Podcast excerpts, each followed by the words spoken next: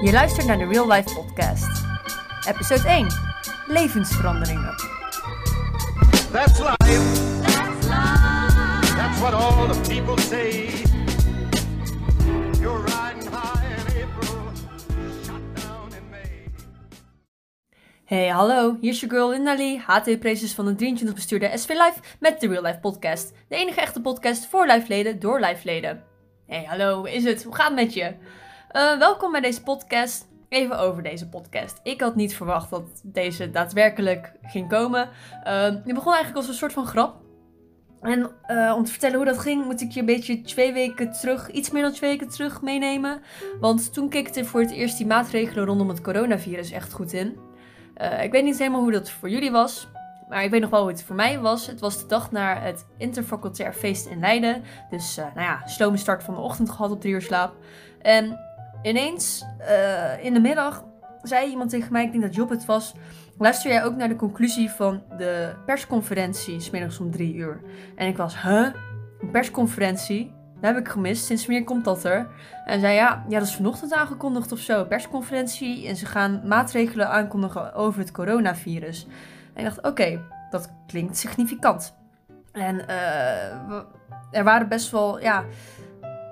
Volgens mij de eerste maatregel die toen aan, werd aangekondigd, eh, behalve de dingen die we al wisten, zoals houd afstand, eh, was je handen, eh, let op elkaar, was dat evenementen met meer dan 100 personen mochten niet doorgaan. En dat was van grote impact voor alles in het hele land. Ook voor SV Life, want meteen de week daarna zouden we lustrumkantus hebben. En ook de familiedag. Nou, beide events met meer dan 100 mensen die nog in de span tot en met 31 maart zouden vallen. Dus eh, grote consequenties. Meteen spoedvergaderingen. Wat moesten we doen? Wat moest er gebeuren? Ik denk dat het hele land toen in een spoedvergadering is gegaan. Wat erg heftig was. En vrij snel werd het duidelijk, ja jongens, voor maart gaat, voor maart gaat het gewoon niet gebeuren. Het gaat gewoon niet meer gebeuren, het mag niet, het is niet verstandig. En we baalden. We baalden echt zo hard. Want je keek zelf zo erg uit naar die evenementen. Ik had zoveel zin in die lustrumkantes. We waren zo close. Het enige wat nog gebeuren moest worden, was dat het moest gebeuren. Eh, het moest alleen nog plaatsvinden. En voor de rest was alles al geregeld. En je baalt voor die activiteiten als bestuur. Je baalt voor je commissieleden die zo hard hebben gewerkt naar die activiteiten toe. Eh, familiedag zou ook nog plaatsvinden. En je baalt natuurlijk voor de leden die uitkeken naar de evenementen. En je hebt ook niet echt in die situatie iemand of iets om echt boos op te zijn. Want de overheid die probeert maar het beste van te maken. En probeert ons als personen en de mensen om ons heen zo veilig mogelijk door deze pandemie heen te loodsen. Probeer het ook, probeer het ook maar. Probeer het ook maar. Echt het beste van te maken. En je kan hooguit boos zijn op het virus. Nou ja, het virus leeft niet. Dus dat. Ben je een soort van oude man die op het gazon staat en zegt... Jij verdomd coronavirus! Komen hier pandemie veroorzaken, hè? En ja, op wie, wie heb je op boos te zijn? Het is gewoon stom. Baalt ervan. Baalt echt als een stekker. Ondertussen is dat natuurlijk veel verder doorgetrokken dan 31 maart. Maar destijds was het alleen maar tot 31 maart. Dus het was een soort van een tegenslag. Maar wel met goede hoop dat we eventueel door konden gaan. Ehm, dus probeer je goede moed in, in te houden. En we gingen grapjes maken. Zover mij nog bijstaat in mijn herinnering. Over de dingen die we konden gaan doen. Nu we toch meer tijd hadden voor onszelf. Ehm, zoals je kamer schoonmaken. De was doen. Ramen lappen. De vloer dweilen. eh, goed koken. Lekker, mei- lekker met de meiden wijnen. eh, dat soort dingen. En hè, als we toch tijd hadden, kon net zo goed eh, andere dingen gaan doen. Podcast maken, vloggen, YouTube-kanaals beginnen. Ehm, dus een beetje in dat rijtje, hahaha, laten we de vloer gaan dweilen, hahaha, laten we een podcast maken, is dat genoemd. En we dachten natuurlijk niet dat het ooit echt ging gebeuren. Maar ik was erg hyped. Je girl was erg hyped over het maken van een podcast. Ehm, dus ik ben het steeds verder gaan hypen. Van hey, ja, het ziet eruit dat het voor langere tijd gaat zijn. Laten we een podcast maken. Ik vind het erg geinig. Laten we een podcast maken. Ondertussen is dat zo ver gehyped dat mensen daadwerkelijk verwachtingen hebben van deze podcast. En dat het echt iets gaat worden. En, en eh, ja, dat is erg confronterend. dat mensen verwachtingen hebben van deze podcast. Hallo, welkom. Welkom bij de Real Life Podcast. Ik weet ook echt niet meer wie er allemaal gaat luisteren naar deze podcast. Uh, dus uh, dat, gaat, gaat een avontuur worden, jongens. Nou ja, ik heb in ieder geval zin in. Ik hoop jullie ook. Dit is de eerste episode. Om mijn eerste episode onderwerp te kiezen. Dat was nog wel eens erg lastig. Want ik vond toch wel een soort van dat het significant moest zijn. Um, want het is de allereerste episode van deze lang verwachte podcast. Maar toch dat het wel, ja. Tenminste, ik denk dat jij deze podcast luistert. Hoor je lol? Ik denk dat je het niet luistert om het niet leuk te hebben. Het moet toch ook wel een leuk onderwerp zijn. Dus wat is een goede balans tussen, tussen significant en leuk? Nou, ik vond toch wel dat we het moesten hebben over uh, de huidige situatie. Want eigenlijk als de pandemie er niet was geweest, was deze podcast er ook niet geweest. Uh, dus om een beetje al die verschillende factoren en overwegingen te samen te bundelen in een onderwerp, is het onderwerp van deze eerste episode levensveranderingen. Ik denk dat er twee soorten levensveranderingen zijn. Eén, levensveranderingen waar je voor kiest. En twee, levensveranderingen die je overkomen. Van de twee denk ik dat zeker degene waar je zelf voor kiest, dat dat de leukste levensveranderingen voor zijn. Want er is waarschijnlijk een goede reden hopelijk dat je het leuk vond, waarom je hebt gekozen om iets in je leven te veranderen. Uh, een voorbeeld dat nog dicht bij mezelf staat is bijvoorbeeld uh, wat je wilde gaan studeren. Uh, ik ben best wel lang studievoorlichter geweest, een studentambassadeur. En ik heb heel veel van die praatjes gehouden op van die open dagen. Hallo, dit is de studie Life Science en Technology. En waarom zou je dit studeren? Wat houdt dit in? En ik heb in die presentaties vaak gezegd, nou ja, waarom heb ik gekozen voor LST? Ik wist zelf niet wat ik wilde gaan studeren. En dat was geen fake nieuws. Ik wist echt niet wat ik wilde gaan studeren. Ik heb overal gekeken. Ik heb ook eerst een andere studie gedaan. Uh, misschien dat sommigen van jullie dat weten, misschien ook sommigen niet. Ik heb eerst film- en literatuurwetenschap gedaan. Uiteindelijk uh, samen afgerond samen met LST. Maar het is iets heel anders. Maar ook helemaal in het spectrum van dingen die ik leuk vond. En het was ook zeker een hele reële optie voor mezelf geweest om dat te gaan doen in Utrecht. Want daar zit ook een hele goede literatuurstudie. Uh, maar ook in het spectrum van LST ben ik gaan kijken in Eindhoven en uh, in Wageningen. Ik ben niet in Groningen geweest, maar wel in Maastricht. En dan ook in Leuven. En ik denk als ik ergens anders was gaan studeren, had ik het vast ook heel leuk gehad. Maar mijn hele leven had er anders uitgezien. Hoe had mijn leven eruit gezien als ik in Leuven had gestudeerd? Hoe had mijn leven eruit gezien als ik in Wageningen had gestudeerd? Was ik waarschijnlijk vega nu. Uh, hoe had mijn leven eruit gezien als ik in een drukke stad zoals Utrecht was gaan wonen? Geen idee. Maar ik heb de keuze gemaakt om te gaan verhuizen naar Leiden en in Leiden te gaan studeren. Uh, keuze gemaakt om te switchen naar LST. En ik heb het gewoon leuk gehad. Maar het is wel een levenskeuze. Het is iets wat mijn leven voor deze periode een toon heeft gegeven. En ik heb het gewoon leuk gehad. Maar het was wel echt een keuze. En heb je ook bijvoorbeeld dingen zoals uh, naar het buitenland toe gaan. Misschien dat sommigen van jullie een tussenjaar hebben gedaan in het buitenland. Voor hun minor of stage naar het buitenland zijn gegaan. Of eventueel nog willen gaan. Dat kan ook nog altijd. Uh, en ik denk zeker dat op het moment dat je dat doet, dat je ervaringen daar ook zorgen dat je anders kijkt naar het leven. Dat is ook een levensverandering. Uh, ik, denk, ik, ik denk dat deze veranderingen allemaal best wel positief zijn. Want ik denk dat je jezelf verandert. Hopelijk omdat je bijvoorbeeld beter bent gaan leren je grenzen te stellen. Dat je hebt ontdekt waar je van geniet in het leven, wie je echt goede vrienden zijn, waar je voldoening uit haalt, wat je waardevol vindt. En ook als een beslissing die je maakt iets verandert in je leven, wat uiteindelijk uh, toch niet zo goed uitpakt, dan heb je dat ook weer ontdekt. Hè? Dus ik denk, je, je, kan er alleen maar beter van worden. Keuzes die je maakt in je leven. Uh, het is iets waar je zelf voor kiest. En ik denk dat je altijd achter moet staan dat je daar zelf voor kiest. De tweede categorie echter is niet iets waar je zelf voor kiest. Ik denk dat veranderingen die je overkomen zijn veranderingen die je doormaakt niet omdat jij verandert, maar omdat je omgeving verandert. Zoals een pandemie. Zoals maatregelen dat je juist eigenlijk het liefst niet meer uitgaat. Uh, niet mag samenscholen, niet uh, op anderhalf meter afstand. Uh, niet, ja, dat is niet iets wat je zelf wilt, toch? Dat is iets wat je overkomt. En ik moet zeggen, ik had eigenlijk niet gedacht dat in onze generatie, of op zijn minst zo vroeg in onze generatie, iets van dergelijke significantie zou plaatsvinden. Als ik denk aan plotselinge levensverandering van de een tot de andere dag, dan denk ik aan uh, een oorlog die uitbreekt. Ik kan me voorstellen dat toen de Eerste en Tweede Wereldoorlog uitbrak, dat dat ook ineens zoiets had van: Oh my god, what's going on? What's happening? Are we doing this? Oh, we are doing this.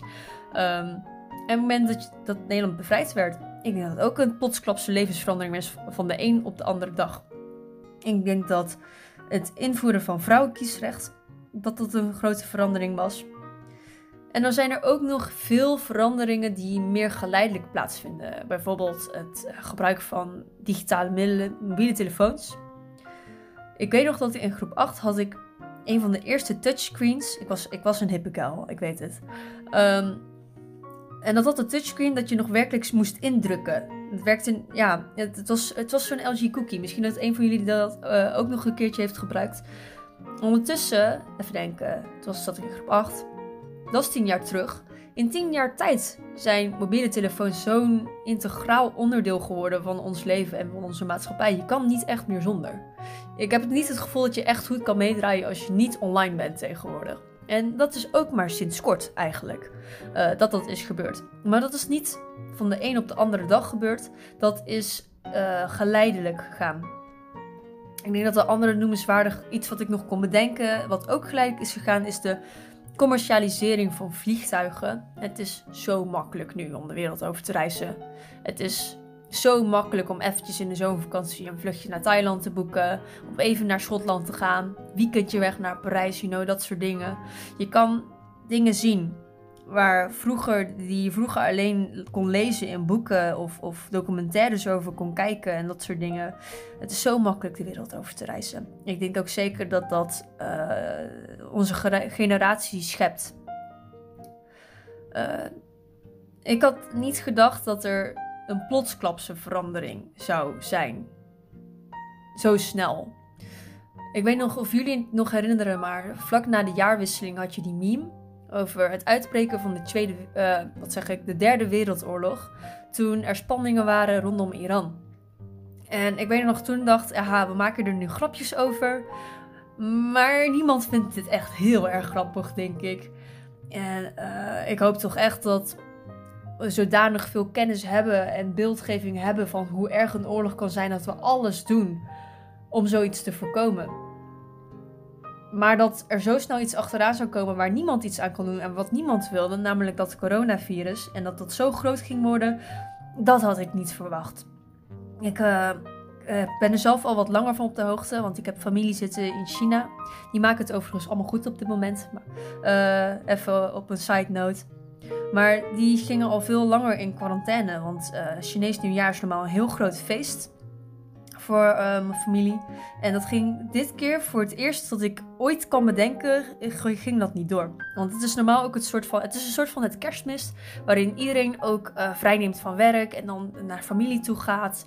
En dan echt superveel eten maakt en dat soort dingen. Maar dat kon nu allemaal niet vanwege die pandemie. En ik dacht, ik denk niet dat we snel nog iets gaan zien, waardoor mensen geen Chinees nieuwjaar gaan vieren. Dat is alsof je geen kerst gaat vieren. Dat doe je gewoon niet. Als het, dat doe je gewoon niet.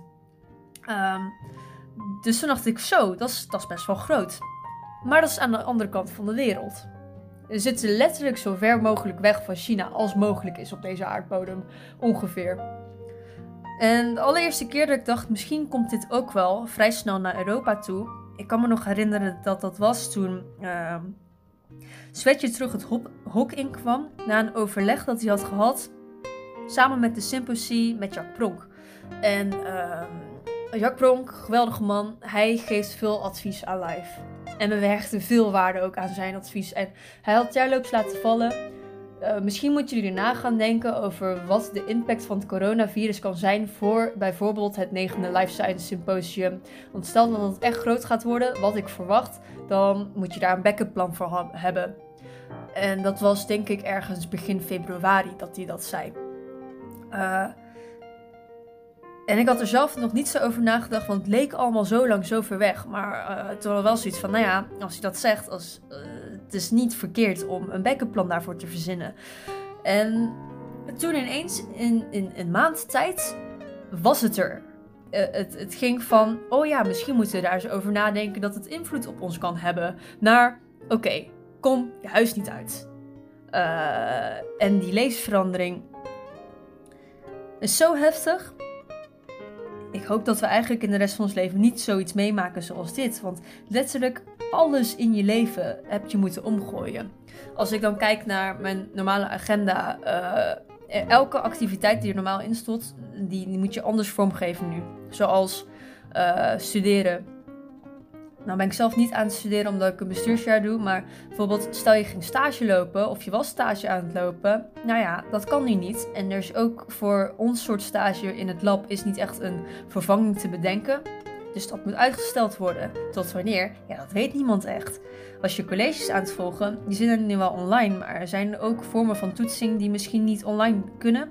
En sowieso, dat is... Uh, improvisatie sowieso moet de inhoud van het vak anders om dat op afstand te kunnen toetsen. Waar ik trouwens wel over wil zeggen, ik vind het wel knap hoe dat in zo'n korte tijd zo snel online is gegaan. Want ik weet dat in die week dat die maatregelen bekend werden gemaakt, dat iedereen van het beleid van de universiteit van zowel Leiden als Delft, die hebben volgens mij zonder slapen te lopen vergaderen er zijn mensen van faculteitsbesturen die, naar ik weet, 16 uur op een dag hebben vergaderen. Gewoon om de universiteit niet te hoeven sluiten. En ik vind het echt heel knap. Zeg maar, het is, niks is ideaal. En we moeten er ook wel echt omheen werken. En dat online is dus kut. En dat uh, uh, we online toetsing moeten doen. En dat het allemaal anders moet is ook stom. Maar het gaat nog semi door. En dat vind ik echt heel erg knap. En ik wil even bewondering uiten voor die mensen die dat allemaal voor elkaar hebben gekregen. Nou ja, dat of is even, dat, maar uh, dat is iets wat je normaal zou je naar de collegezalen gaan. En je zou je mensen daar zien en ze even zeggen, hey, hoe gaat het met je? Nou, brak van gisteren, haha, koffietje doen samen. Even het livehok binnenlopen. Even klagen dat livehok niet open is als het niet open is. Dat soort dingen. En dat kan nu allemaal niet. En dan werk. Grote kans dat als je een bijbaantje had, dat je op het moment eventjes niet aan het werken bent. Tenzij dat je teamleider bent in een supermarkt, dan ben je waarschijnlijk overuur aan het draaien en door jou kan ik mijn boodschappen doen. Dus dankjewel, you go. En um, als je werk doet op afstand, misschien dat dat nog doorgaat, maar anders grote kans dat uh, je samen met de andere onderdelen van de maatschappij die niet essentieel worden geacht, dat je eventjes stil ligt. En dat is vervelend. Je moet je collega's missen en ook de inkomsten. Zelf zie ik het een beetje brengen, uh, zie ik mijn bijbaantje een beetje als brengen van water naar de zee. Met water zijnde mijn bijbaantje en zee zijnde mijn studieschuld. Uh, dus ja, dat, dat is gewoon wat matiger. Maar ja, studieschuld is toch zo enorm, daar doe je niks aan. Um, maar voor veel mensen voor wie het niet bijbaantje is, maar gewoon hun baan, is deze impact ook enorm. En misschien dat je dat ook hebt gemerkt uit je directe omgeving, thuis thuis, bij buren, bij familie. Dat zij daar last van hebben ondervonden. Dan heb je ook nog uh, sport. Waarschijnlijk train je in de week of uh, ging je fitnessen of uh, een poging wagen om dat te doen. en dat valt nu ook eventjes weg. En heb je niet alleen de beweging die wegvalt, zeg maar. Want ik merk toch wel als je niet direct dat verband hebt, dat je niet hoeft te gaan fitnessen of niet hoeft te gaan trainen. Het is erg lastig, vind ik zelf dan, wat thuis te gaan doen. Of discipline te zeggen van, zetten van, ik ga toch even hardlopen of iets dergelijks. Dat is lastig. Maar mist ook natuurlijk je teamgenootjes. Mensen met wie je gaat roeien. En uh, je fitnessbuddy eventueel. Daar moet je ook eventjes iets anders voor gaan verzinnen. Misschien kunnen we online gaan sporten. Ik weet niet of dat al bestaat, maar uh, misschien wel. Um, dan heb je ook nog alle sociale activiteiten voor de rest. Want LST'ers heb ik altijd gevonden is een erg sociaal volk. Altijd we zijn altijd mensen die gewoon druk in de weer zijn. Gewoon uh, van hot naar her, allerlei dingen, dingen aan het organiseren. Verschillende plekken aan het borrelen. Uh, met verschillende mensen aan het meeten. Altijd op zoek naar iets nieuws. En dat is ook nee, eventjes alles wat wegvalt. Sociale activiteiten. Uh, gewoon de gezelligheid. Ik weet nog op de dag dat de horeca dichtging. Ik zou eigenlijk uit eten gaan. En rond een uur of vijf, toen begon het een beetje te zoomen op het internet van... Hallo, de horeca gaat dicht, waarschijnlijk morgen. En toen dacht ik al, oh nee, heb ik nou de laatste dag gepakt waarop de horeca nog echt open is? Nou, gaan we vieren, gaan het hele restaurant, uh, restaurant leeg eten. En om kwart over vijf kregen we een melding, of ik kreeg een push-up, of iemand appte me iets. En toen was het van, hé, hey, de horeca gaat nu dicht. Like over drie kwartier. Um, dus toen was het van, oké, dan ga ik blijkbaar niet uit eten dan, I guess. Toch uiteindelijk eten afgehaald in het restaurant waar ik eigenlijk zou gaan eten. was een sushi restaurant. En uh, een gezellige avond gehad, even bijgekletst. Maar het was weird. Ook, ik zou ook eigenlijk een film gaan kijken. Eh, Emma, volgens mij, die draait nu in de bioscoop. Of in ieder geval, die draaide in de bioscoop tot de bioscoop dichtging. Is ook allemaal een beetje lastig. Nog wel even notenswaardig. Dus die push-up van dat de horeca dichtging kwam om kwart over vijf. Dat die om zes uur alle horeca dicht zou gaan. Dus blijkbaar leven in een tijd waarin drie kwartier nationaal een maatregel kan worden verkondigd. En ook wordt gehoorzaamd, want de horeca, tenminste het merendeel van alle horeca, ging ook werkelijk dicht op die dag. Dus uh, dit zijn de tijden waarin wij leven. Hip, snel en social media-achtig. Damn man. Dus allemaal dat.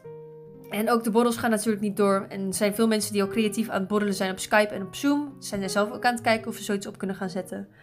Uh, het is toch iets waar je, wat je normaal wel hebt in je leven en waar je nu eventjes omheen moet bouwen. Al dit alles is verbonden met onzekerheid. Want hoe lang gaat dit duren? Niemand weet het echt. En wanneer is dit echt voorbij? Is het voorbij op het moment dat wij zonder winkelwagentje kunnen gaan shoppen en elkaar dan niet anderhalf meter hoeven te geven in een gangpad dat zelf ongeveer maar anderhalf meter breed is, of soms nog, nog niet eens? Um, is het voorbij als wij elkaar weer een knuffel kunnen geven of een goede handafdruk? Wanneer is het echt voorbij? Ik denk sowieso dat er in meerdere aspecten van de maatschappij, ook nadat we elkaar weer een hand kunnen geven, uh, dat we die impact nog gaan voelen. In meerdere aspecten van de maatschappij. Bijvoorbeeld de economie. Ik ben geen economisch expert, maar het gaat niet goed met de economie. Deze voor de winkels en horecagelegenheden. Van veel mensen uh, gehoord, ook van uh, vrienden, dat ze het niet gaan redden om zo lang dicht te blijven. En dat gaat impact hebben op de, de, de, de horeca-aangelegen winkels die sluiten, maar ook op banen. Misschien dat je al mensen hebt gehoord over de zekerheid van hun baan. Ja, is allemaal erg treurig. En dan de gezondheidszorg. Ik ben ook geen gezondheidszorg-expert. Maar natuurlijk zijn ze nu erg druk bezig met het coronavirus. Maar wanneer dat onder controle is, eventueel, hopend, potentieel, um, zijn er natuurlijk genoeg mensen die eigenlijk normaal ook hun klachten hebben, die ook moeten zijn in het ziekenhuis. Hoe gaat dat dan zijn? Ik wil zelf namelijk best wel lang naar het ziekenhuis om uh, weer een allergietest te doen. Ik ben allergisch voor alles wat leeft. En ik heb, in de recente jaren heb ik eigenlijk niet echt meer gecheckt hoe erg ik nou allergisch ben voor alles. Maar ik wil dat wel een keertje doen. Maar niet nu, want ze hebben wel betere dingen aan hun hoofd dan uh, mijn allergieën. Um, maar ja, dat gaat wel gebeuren nadat de pandemie voorbij is. Dus hoe gaat dat lopen? En hoe zit het dichter in onze eigen sfeer? Hoe zit het met onderzoek doen? Kunnen mensen nu op de universiteiten fatsoenlijk onderzoek doen? Uh, lopen ze vertraging op? Lopen ze grants missen omdat het nu allemaal lastiger is? Gaat dit invloed uitoefenen op PhD-posities? En of die vrijkomen of juist niet? Uh, na de pandemie. Want stiekem gaan heel veel mensen van onze opleiding na de opleiding research doen. Zij gaan op zoek naar een PhD-positie. Um, over de studie algemeen. Hoe zit het met met de studie? Wat gaan we daarvan voelen? Gaan wij bijvoorbeeld voelen dat er nu een jaarlichting scholieren gaat komen die niet eindexamen heeft gedaan, maar hun diploma heeft gehaald op basis van schoolexamens? Gaan zij kennis missen? Of uh, gaan wij merken dat mensen meer een verkeerde studie hebben gekozen omdat zij zich slechter hebben kunnen oriënteren op wat voor soort studies er zijn, omdat de uh, scholenvoorlichting ook stil ligt nu? Uh, wat gaan we merken zelf van het aangepaste onderwijs dat wij hebben? Gaan we het merken dat er slechter onderwijs wordt gegeven omdat er andere vorm is van toetsing? Of gaan we merken dat dat eigenlijk wel meevalt? Gaan, er, gaat er veel studievertragingen zijn in de oudejaarsbachelors en de masterstudenten? Hoe lang gaan stages uitlopen? We weten het allemaal niet. En al dit alles gaat ook een beetje terug op de digitale werksfeer. Wat gaan we merken van hoeveel dingen wij online doen na deze pandemie? Want nu is het een beetje noodgedwongen. Iedereen moet alles online gaan doen. En tot de verbazing werkt dat nog relatief tot de mate best wel prima. Uh, gaan we met alle dingen die we in deze tijd opzetten ook merken dat we na de pandemie meer dingen online gaan doen? Bijvoorbeeld de opzet voor online colleges, de opzet voor take-home tentamens. Gaan we dat aan blijven houden? Gaan we dat meer zien? Want blijkbaar door andere universiteiten, zoals Harvard, MIT, Oxford, Cambridge doen ook met beta-studies al een stuk langer iets met uh, take-home tentamens. Misschien blijft dat. En met ook met dingen zoals vergaderen. Gaan wij meer online vergaderen met commissies, uh, nu we dat nu zoveel doen via Skype. Gaan we sneller eventjes iets erbij pakken, zoals Zoom, om eventjes te kletsen met elkaar. Uh, blijft de Real Life podcast doorgaan? Ook na de pandemie? Ja, kijk, dat zijn allemaal dingen die we niet weten. Ik denk dat de impact van de pandemie gaat sowieso tweezijdig zijn. Enerzijds negatief, omdat we er erg onder lijden dat het land stil liggen. Anderzijds, in tijden van crisis vinden mensen altijd weer eh, creatieve manieren om dingen op te lossen. Dus anderzijds vast ook wel positief. Zeker erg benieuwd naar wat voor eh, digitale dingen we blijven houden na de pandemie ook. En dit eh, is een mooi bruggetje naar waar ik het in het vervolg over wilde hebben. Positieve dingen. Voel me altijd wel een beetje schijnheilig als ik probeer de positieve kant van dingen te belichten. Want ja, het is zo van, je moet het niet allemaal zien van de negatieve kant. Er zijn ook positieve kanten, positive vibes, everyone, regenbogen. Maar je moet het ook een beetje zien van de positieve kant. Eh, wat zijn positieve dingen die jij nu hebt ervaren en die je meer tijd hebt voor jezelf? Bijvoorbeeld. Ik merk dat ik normaal zo druk bezig ben dat ik geen, niet echt tijd heb gehad om de dingen te doen die ik eh, vroeger heel erg leuk vond om te doen. Ik eh, vind het geweldig om boeken te lezen. En ik heb dat weer kunnen doen. Voor het eerst sinds echt een jaar, denk ik. Ik heb een boek al anderhalf jaar langs mijn bed liggen. Ik heb deze week heb ik hem uitgelezen. Ik hou fantastisch veel van muziek. En ik merk dat er heel veel artiesten zijn die geweldige albums hebben uitgebracht. Die, waar ik nog helemaal geen tijd voor had, heb gehad om die te gaan eh, beluisteren. En dat heb ik deze week wel gedaan. Nieuw album van Eminem. Nieuw album van Chef Special. Allemaal nog niet geluisterd, maar nu wel.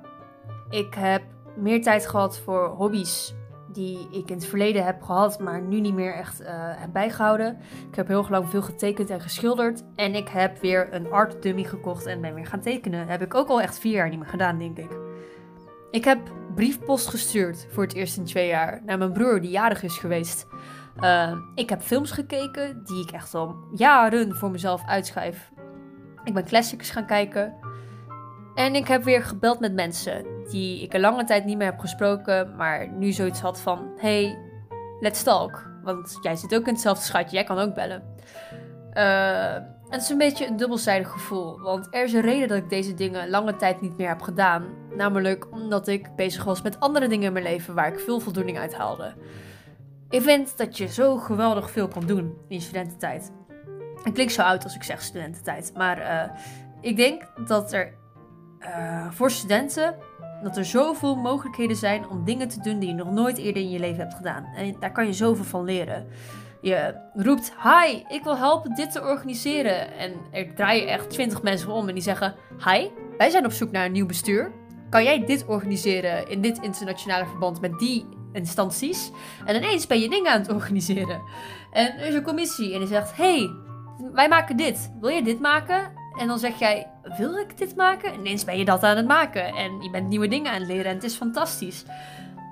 En ik denk bij uitstek dat studententijd geweldig daarvoor is. En het is jammer dat die dingen nu wegvallen. Uh, maar ik denk zeker dat uh, we zoveel druk ervaren om dingen te blijven doen en te blijven presteren. En je moet studeren en je moet sporten daarnaast en je moet een relatie onderhouden en je moet een keertje terug naar je ouders en je moet zoveel. En er is ook een gedeelte van al dat alles dat nu eventjes wegvalt. Het is even een, een, een goede periode die je toch eventjes weinig mag doen, letterlijk. Je bent nieuw modelburger als je niet je huis uitkomt. These are the times. Um, om even te ontdekken wat je leuk vindt. Waar geniet je van? En uh, wat geeft jou voldoening? En ik bedoel niet dat je zelf moet gaan ontdekken. Zo zweverig is het niet. Maar hoe jij dit dal ervaart, zegt zoveel over jezelf. Uh, als je merkt, ik, ik vind het echt ruk dat ik mensen niet kan zien. En ik mis iedereen. En ik, ik mis al die activiteiten die we normaal ondernemen. Dan weet je dat je daar energie uit haalt. En dan moet je ook zeker in de toekomst ook blijven plannen dat je dat blijft onderhouden. Want blijkbaar haal jij energie uit het zien van die andere mensen. Merk je, ik vind het juist wel fijn dat ik eventjes wat meer tijd voor mezelf heb. En dat ik wat rustiger heb. En wat meer tijd voor mijn hobby's. En, you know, even goed zelf ontbijten. Dat vind ik ook nu ook erg fijn. Stel je merkt, daar haal ik energie uit. Onthoud het. Blijf het doen in de toekomst. Want de dingen waar jij nu energie uit haalt, die moet je ook zeker blijven doorvoeren nadat deze hele situatie voorbij is. Merk je, ik vind het heel erg fijn dat ik goed kan koken voor mezelf. Normaal doe ik dat nooit, want ik heb nooit tijd. Dan weet je dat je daar energie uit haalt. Onthoud het. Blijf het doen. De veranderingen die we nu doormaken zijn veranderingen die ons zijn opgelegd. We, zijn, we hebben die zelf niet kunnen kiezen. Ze vallen zeker onder de categorie: dit is ons overkomen. Maar als we nu onthouden uh, waar we de energie uithalen die ons positieve dingen brengt, dan eventueel kan je laten besluiten: dit is een levensverandering die ik wil doorvoeren omdat ik er gelukkig van word. En ik hou er energie uit en dit is hoe ik mijn leven een stukje blijer maak. Dit is eigenlijk alles wat ik wilde zeggen over levensveranderingen, of alles wat ik erover te zeggen had. De volgende episode zal gaan over activiteiten die je kan doen op afstand. De episode zal heten Afstandsactiviteiten. En ik zal mijn medebestuurders opbellen om te vragen wat zij nu ondernemen op anderhalf meter afstand. Uiteindelijk zal je lijst krijgen met 23 activiteiten die jij kan doen op afstand. Dus stay tuned, hij zal volgende week dinsdag om 3 uur gereleased worden. Uh, is nu het idee. De planning voor de podcast voor nu is dat elke dinsdag en vrijdag om 3 uur een nieuwe, nieuwe episode online zal komen. Ik heb geen idee hoe realistisch dit is, want ik heb nog nooit eerder een podcast gemaakt en ik heb geen idee hoe lang die productiefase duurt. Maar uh, we gaan het zien, hè? We gaan het meemaken. Nou, ik zie jullie graag dan. Ik hoop dat jullie hebben genoten van deze podcast. Uh, laat ons weten wat je ervan vond, of je feedback hebt. En als niemand het nog vandaag tegen je hebt gezegd, je ziet er goed uit vandaag. You look good. Oké, stay safe. Voor het leven en met levendige groet, Linda Lee. Joejoe!